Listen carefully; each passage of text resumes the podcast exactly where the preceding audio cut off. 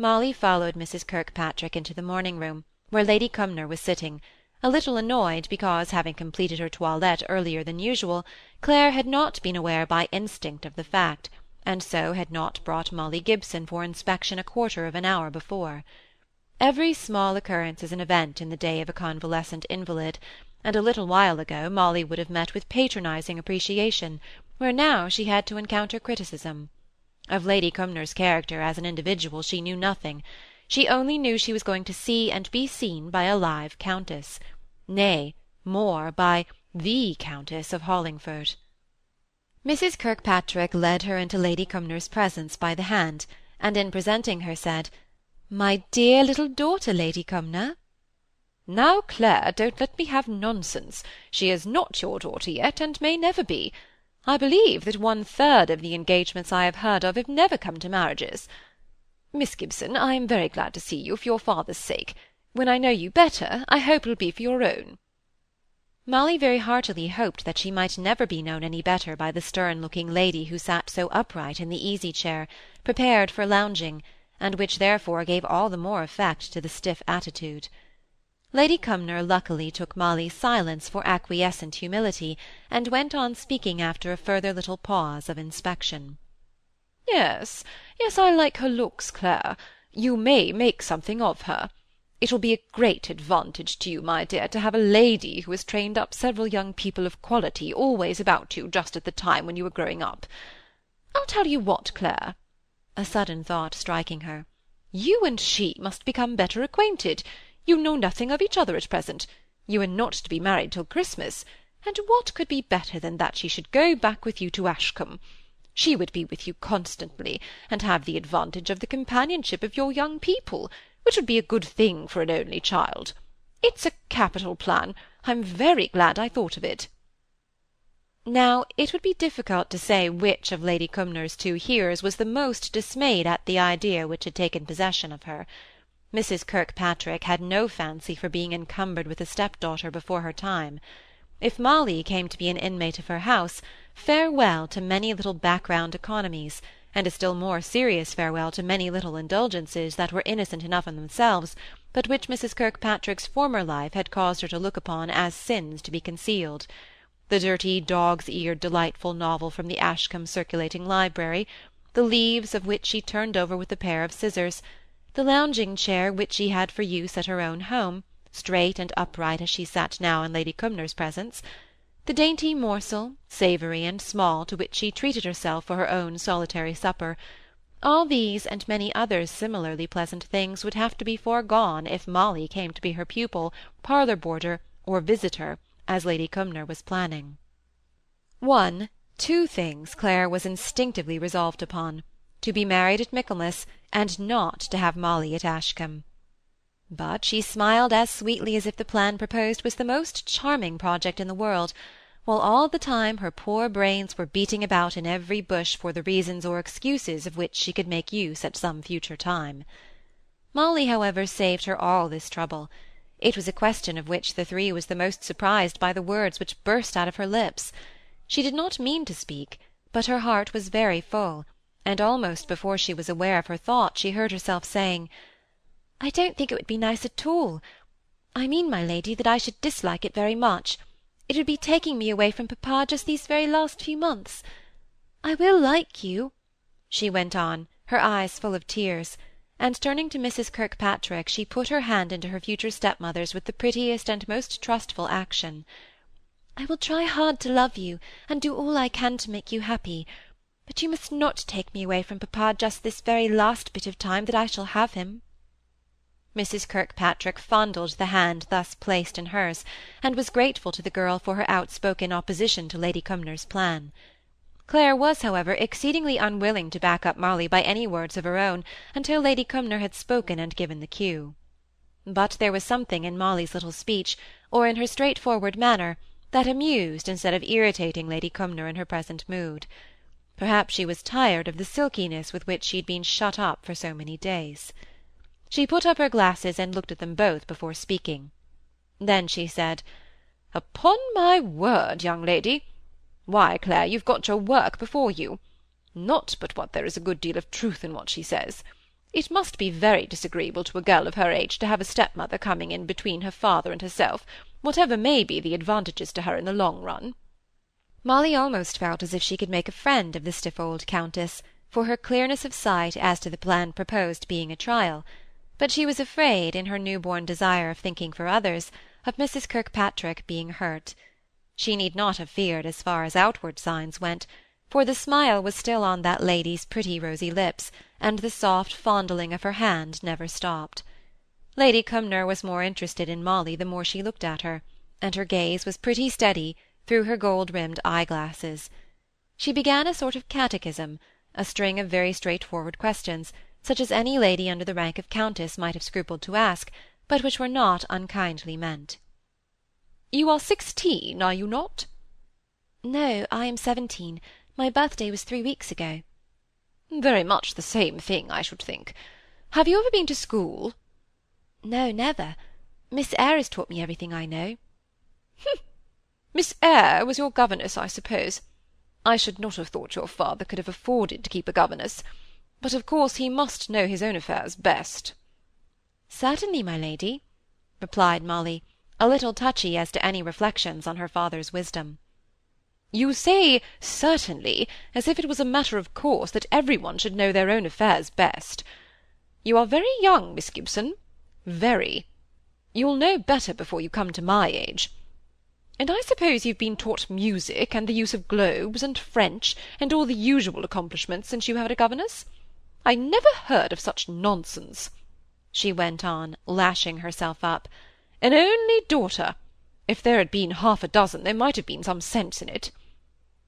Molly did not speak, but it was by a strong effort that she kept silence. Mrs. Kirkpatrick fondled her hand more perseveringly than ever, hoping thus to express a sufficient amount of sympathy to prevent her from saying anything injudicious. But the caress had become wearisome to Molly, and only irritated her nerves. She took her hand out of Mrs. Kirkpatrick's, with a slight manifestation of impatience. It was perhaps fortunate for the general peace that just at this moment Mr. Gibson was announced. It is odd enough to see how the entrance of a person of the opposite sex into an assemblage of either men or women calms down the little discordances and the disturbance of mood. It was the case now. At Mr. Gibson's entrance my lady took off her glasses, and smoothed her brow. Mrs. Kirkpatrick managed to get up a very becoming blush, and as for Molly, her face glowed with delight, and the white teeth and pretty dimples came out like sunlight on a landscape.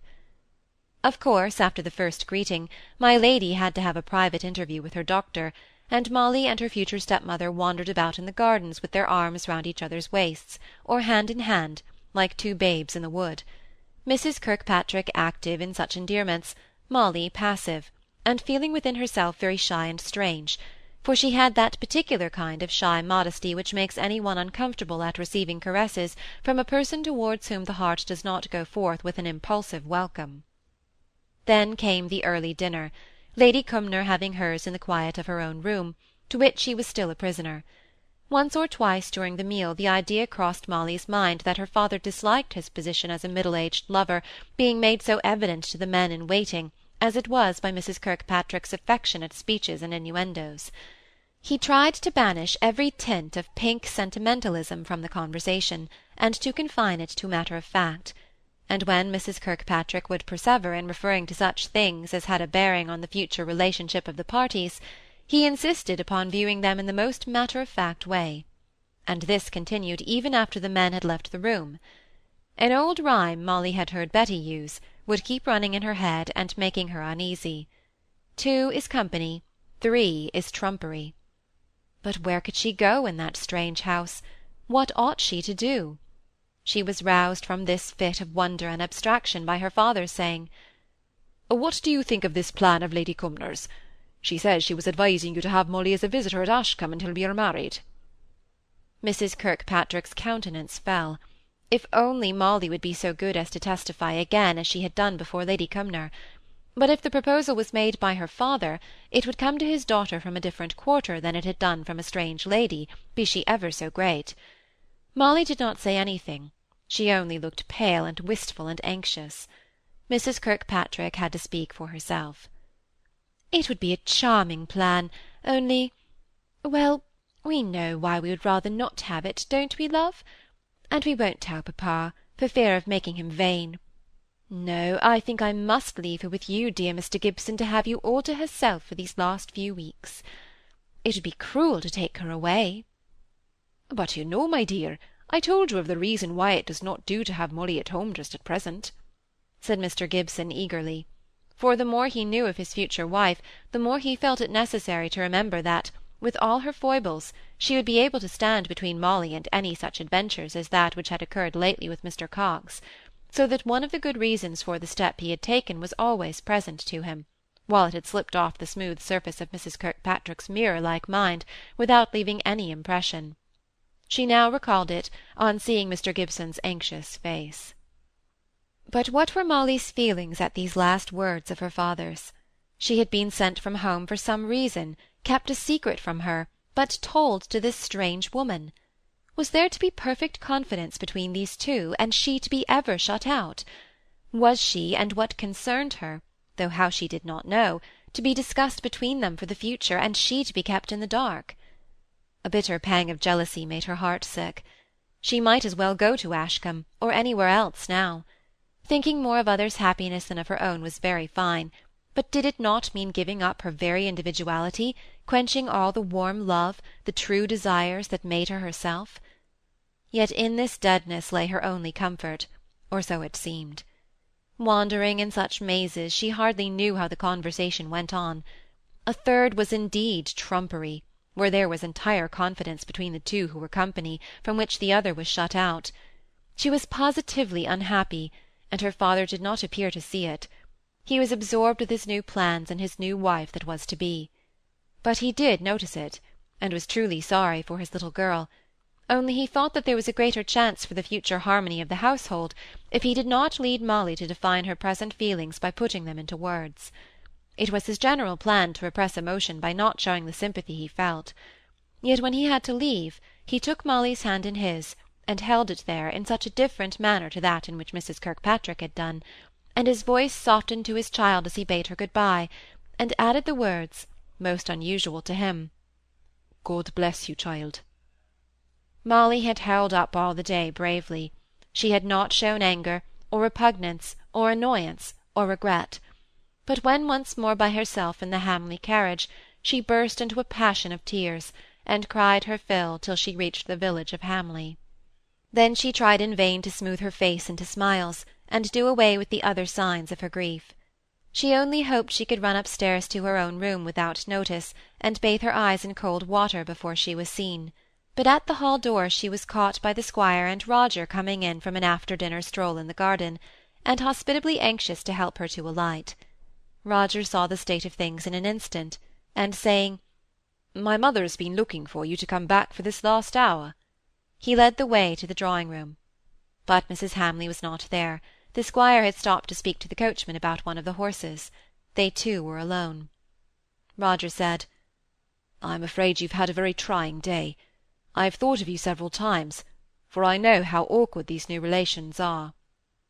"Thank you," said she, her lips trembling and on the point of crying again. "I did try to remember what you said, and to think more of others, but it is so difficult sometimes. You know it is, don't you?"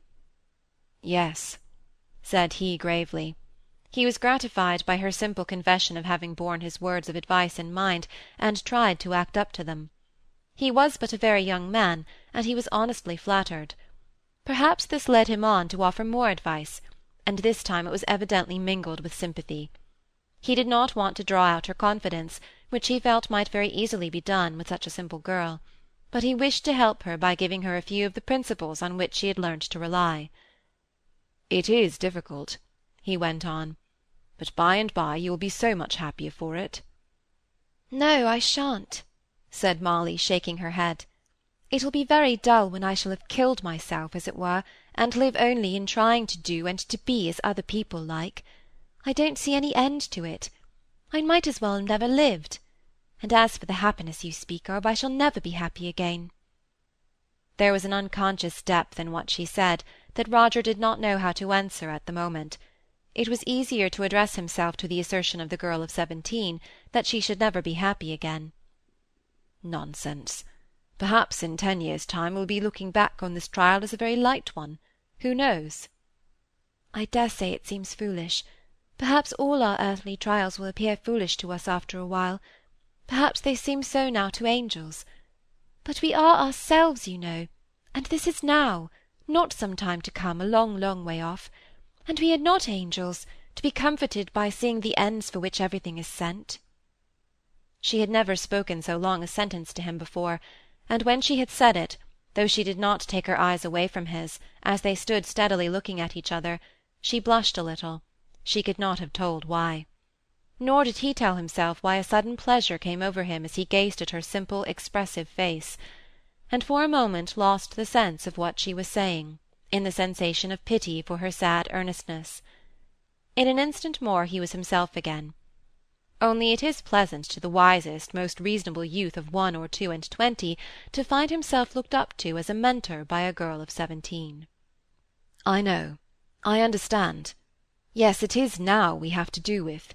Don't let us go into metaphysics. Molly opened her eyes wide at this. Had she been talking metaphysics without knowing it? One looks forward to a mass of trials, which will only have to be encountered one by one, little by little. Oh, here is my mother. She will tell you better than I can. And the tête-à-tête was merged in a trio. Mrs. Hamley lay down. She had not been well all day. She had missed Molly, she said, and now she wanted to hear of all the adventures that had occurred to the girl up at the Towers. Molly sat on a stool close to the head of the sofa, and Roger, though at first he took up a book and tried to read that he might be no restraint, soon found his reading all a pretence. It was so interesting to listen to Molly's little narrative, and besides, if he could give her any help in her time of need, was it not his duty to make himself acquainted with all the circumstances of her case? And so they went on during all the remaining time of Molly's stay at Hamley. Mrs. Hamley sympathized and liked to hear details. As the French say, her sympathy was given en détail, the squire's en gros. He was very sorry for her evident grief, and almost felt guilty, as if he had had a share in bringing it about, by the mention he had made of the possibility of Mr. Gibson's marrying again, when first Molly came on her visit to them. He said to his wife more than once, "'Pon my word, now I wish I'd never spoken those unlucky words that first day at dinner. Do you remember how she took them up? It was like a prophecy of what was to come now, wasn't it? And she looked pale from that day, and I don't think she has ever fairly enjoyed her food since. I must take more care what I say for the future. Not but what Gibson is doing the very best thing, both for himself and her, that he can do. I told him so only yesterday. But I'm very sorry for the little girl, though. I wish I'd never spoken about it, that I do. But it was like a prophecy, wasn't it?"